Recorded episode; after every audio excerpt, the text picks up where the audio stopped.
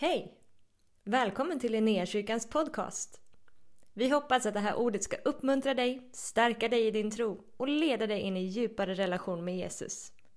Gud välsigne dig i ditt lyssnande. Herre, vi tackar dig för din närvaro här på den här platsen just nu och din närvaro i varje lyssnares liv.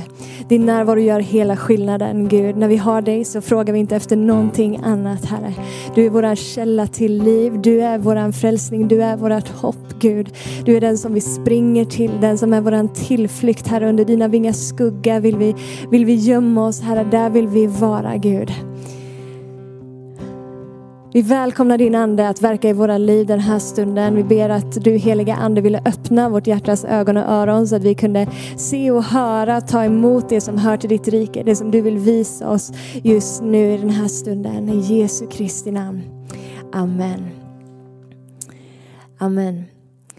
Eh, om du har följt med oss någonting tillbaka här i tidigare klipp som vi har lagt upp så har vi haft det på bönekvällar, eh, på tisdagskvällar och eh, vi har pratat utifrån Kolosserbrevet och då var vi inne på lite vid, vid något av de tillfällena och pratade i alla fall om hur, eh, hur Paulus på något sätt i sin, i sin bön för kolosserna, han, han drar deras fokus till Jesus som centrum, Jesus som utgångspunkten och hur den relationen är så viktig och, och central. Eh, och pratade lite då kring hur ordet kunskap i Bibeln används och han, Paulus ber att kolosserna skulle få växa i sin kunskap om Gud och att det inte bara är kunskap om Gud, inte bara kunskap som handlar om att känna till Gud eller liksom känna till massa saker runt omkring eller bara känna till vad det står, utan en erfarenhetsmässig kunskap, en relationell kunskap, en, en upplevd kunskap som handlar om att känna honom. Inte känna till honom utan faktiskt känna honom. Det gör hela skillnaden. Eh, vi kan, vi kan anamma ett trossystem, vi kan ta till oss massa olika liksom, punkter och doktriner och sådär men, men de i sig själv kommer inte att förvandla mitt liv. De förvandlar inte mitt hjärta. De har liksom ingen inneboende kraft på det sättet. Men relationen med honom och hans närvaro, det förvandlar. Eh, ett trosystem kan jag släppa taget om och gå därifrån när det blir lite jobbigt eller när det kommer någonting annat som verkar bättre. Men en relation kan jag inte bara gå ifrån på det sättet. Jag kan inte omöta en person som jag en gång har mött, utan den finns där på något vis. Ehm, och jag tänker att jag ska på något vis röra mig lite kring det här temat idag också. Eh, men jag tänker göra det utifrån en text som eh, Jakob predikade lite om förra söndagen, så du kan leta upp det Youtube-klippet här också om du vill ha del ett av det. Det är i alla fall från Lukas kapitel 15. Och eh, vi kommer läsa ifrån Betoningen ligger i vers 25 till 31, men för att ge det lite sammanhang här i alla fall så handlar den här berättelsen om, berättelsen om en far som hade två söner. Eh, och den ena sonen säger, jag vill ha min del av arvet. Han får sin del av arvet och så drar han iväg och så lever han livets glada dagar eh, och tycker att han är jättekul och han spenderar alla pengar och sen så kommer en hungersnöd i det landet som var ett fjärran land och eh, då inser han att oj då, det här var ju inte så bra.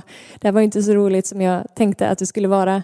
Jag hade det ju faktiskt bättre när jag var hemma hos min far. Där hade jag i alla fall mat att äta. Här får jag äta grisarnas mat.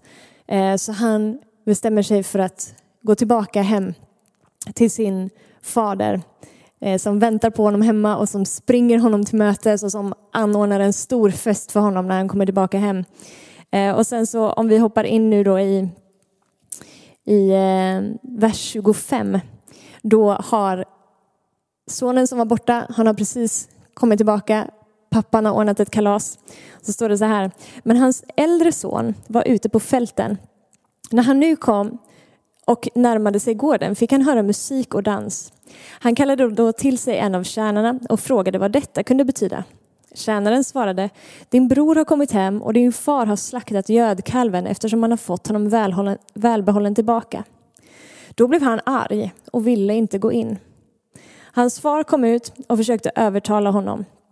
Men han svarade sin far, här har jag slavat för dig alla dessa år och aldrig gått emot ditt ord och mig har du aldrig gett ens en killing så att jag kunde fira med mina vänner.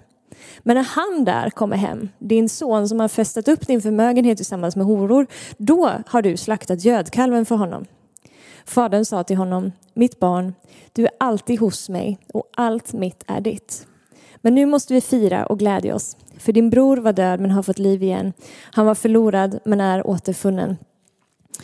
Eh, när vi läser den här berättelsen så jag i mitt liv i alla fall bakåt sett när jag har hört någon predika om det här så har betoningen oftast legat på den här sonen som försvann bort och som festade upp alla pengar och sen kommer tillbaka och hur fadern faktiskt bemöter honom när han kommer hem igen.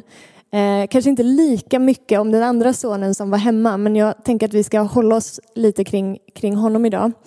Eh, jag skulle nästan drista mig till att påstå att det var två söner i den här berättelsen som behövde komma hem.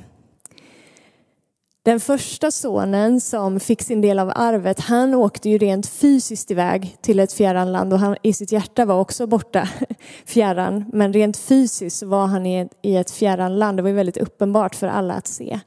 Men den sonen som var kvar hemma, han var liksom kvar på ägorna hemma på sin fars gård. Men det var som att han hade ändå inte närheten i relationen till sin pappa. Han hade ändå inte upplevt fullheten av vad det var han faktiskt hade där. Han fanns i omnejden, han fanns i periferin, men hjärtat så verkade inte kopplingen riktigt vara på plats. Han var i ett fjärran land i sitt hjärta. Och det, det visar sig i hans attityd eller i hans gensvar på när lillebrorsan kommer hem eh, och pappan ordnar en fest. Istället för att glädjas med sin far att hans bror har kommit hem igen så reagerar han med, med avundsjuka och ilska och känner sig förbisedd och, och försmådd liksom för att pappan helt plötsligt ger av sitt överflöd till den här sonen som faktiskt inte förtjänar det. Och här tycker han att han har gått och gjort allting till punkt och pricka och försökt bete sig rätt och liksom living by the book på något sätt. Och, och vad har jag fått? Men det är så fint att se hur fadern responderar till den här sonen. Inte bara har fadern liksom sprungit emot den här sonen som var bortsprungen men kommer tillbaka hem, utan när den hemmavarande sonen är arg för att det är ett kalas som pågår till brorsans eh, ära här på något sätt, så går pappan ut till honom och försöker övertala honom att komma in. Han förebrår inte den här sonen för att han är arg och säger, hörru du, skärp till dig nu minsann. Utan han går ut för att övertala honom att komma in och säger, du, du är också inbjuden. Kom och var med i den här festen. Du är också inkluderad. Men sonen vill inte. Och så säger pappan det som rockar våran värld lite grann och som jag tror att det finns otroligt mycket mer djup för oss att utforska än vad vi ännu har gjort. Men han säger, mitt barn, du är alltid hos mig och allt mitt är ditt. Mitt barn, du är alltid hos mig och allt mitt är ditt. Det verkade som att det var den grejen som den här hemmavarande sonen faktiskt inte hade förstått. Kanske du som jag har sagt, har varit den som har sagt till Gud ibland att Gud, allt, allt jag är och har, det tillhör dig. Du får hela mitt liv, allt, allt mitt är ditt, jag vill ge dig allt. Men här ser vi det omvända, vi ser hur Gud själv på något sätt, som är bilden av pappan i den här berättelsen, säger allt mitt är ditt. Allt det som jag är, allt det som jag har, jag ger det till dig. Och för mig så för det tankarna till ett annat bibelord som finns i Romarbrevet eh, kapitel 8 och vers 32. Där säger han så här. Han som inte skonade sin egen son utan utlämnade honom för oss alla. Hur skulle han annat än att kunna skänka oss allt tillsammans med honom? Han som inte skonade sin egen son utan utelämnade honom för oss alla. Hur skulle han annat än att kunna skänka oss allt med honom? Mitt barn, du är alltid hos mig och allt mitt är ditt. Jag har ett antal gånger i mitt liv utifrån en längtan bett till Gud och sagt Gud, jag vill ha mer av dig. Ge mig mer av dig. Och han har redan sagt allt mitt är ditt. I Kristus, i Sonen, så har jag skänkt dig allt det som jag är. Han har redan gett dig allt. Frågan är ibland, för mitt eget liv, kanske för ditt också, om jag gör utrymme för det i mitt liv. Skapar jag rum och plats där jag kan faktiskt ta emot det här? Allt det som han har gett mig. Allt det som han ännu vill att jag ska få upptäcka tillsammans med honom. En bön som därför är återkommande i, i mitt liv är Gud, jag ber att du skulle utöka min kapacitet att ta emot ifrån dig. Vad det än kan vara för tankevurpor som kanske finns i mitt sinne som, som liksom begränsar min förmåga att, att i tro ta emot det som du har till, tillgängligt för mig. Bara spräng bort de grejerna i mitt sinne. Utöka liksom området i, i mig, i min förmåga att på något sätt bara stå med öppna händer för att ta emot allt det där som nu finns. Vad, vad nu det innebär.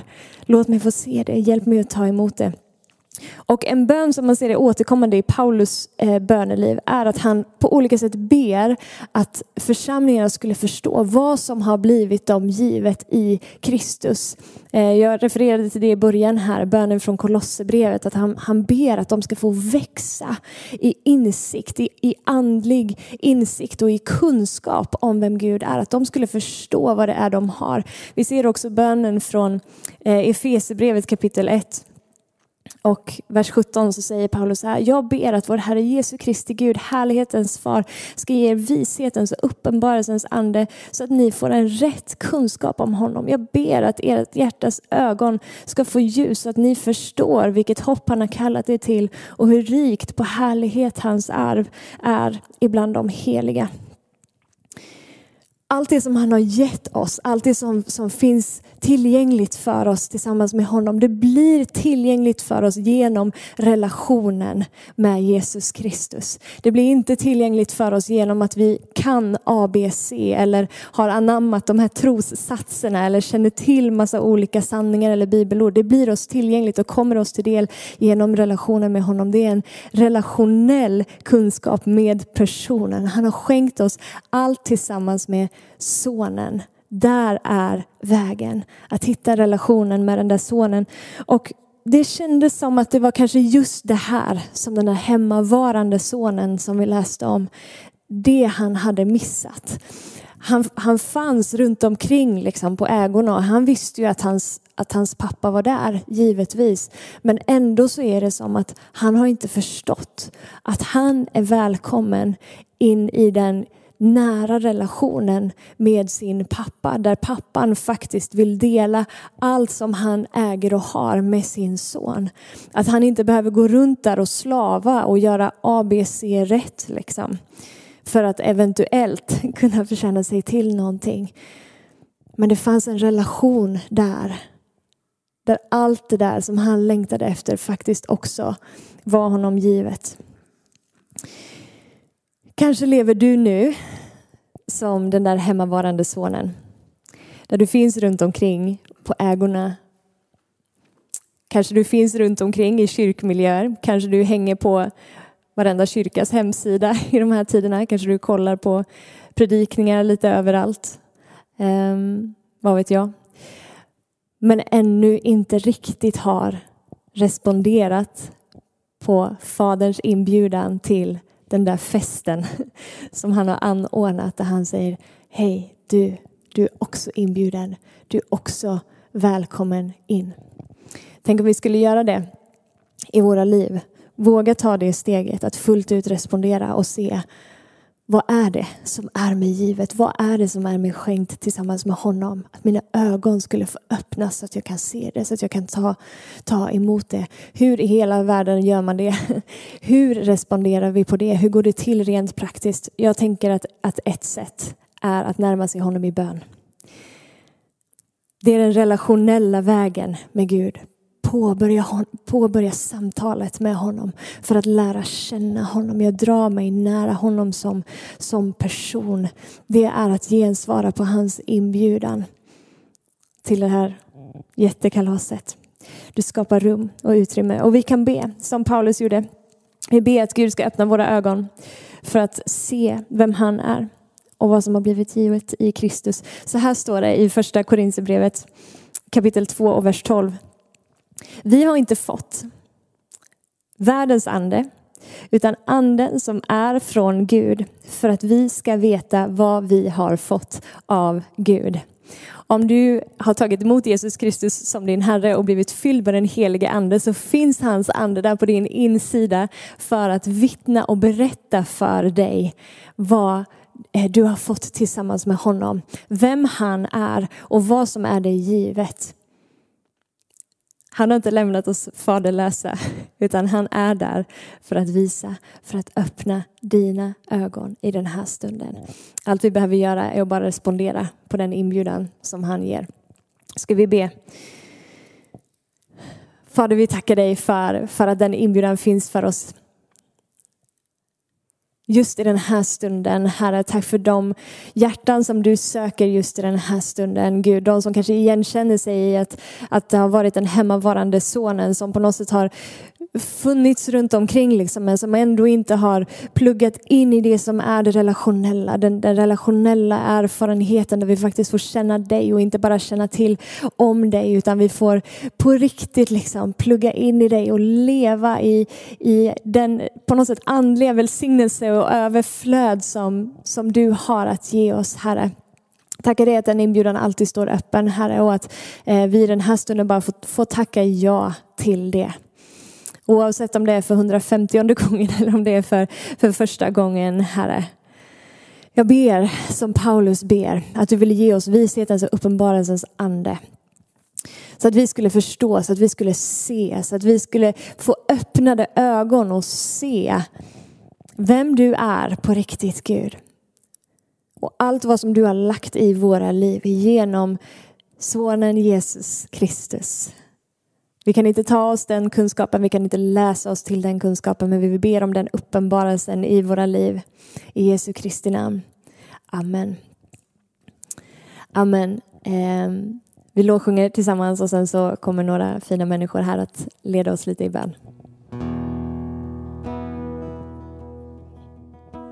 Tack för att du har varit med oss. Hoppas du känner dig inspirerad av Guds ord och har fått nya perspektiv. Hör gärna av dig till oss och berätta om Gud har rört vid dig på något sätt. Vi är så glada att få höra vittnesbörd om vad Gud gör. Du kan mejla oss på adressen info och dit kan du även mejla om du har ett böneämne som du önskar att vi ber för. Eller om du har tagit emot Jesus och inte har någon bibel så vill vi mer än gärna skicka en bibel till dig. Skicka ett mejl med ditt namn och dina adressuppgifter till info så ser vi till att du får en. Om du vill ge en gåva till Linnéakyrkans arbete för att nå fler människor med evangelium så kan du swisha till 123 520 0993. Du kan också besöka oss på linneakyrkan.se för att få mer information. Välkommen tillbaka att lyssna snart igen.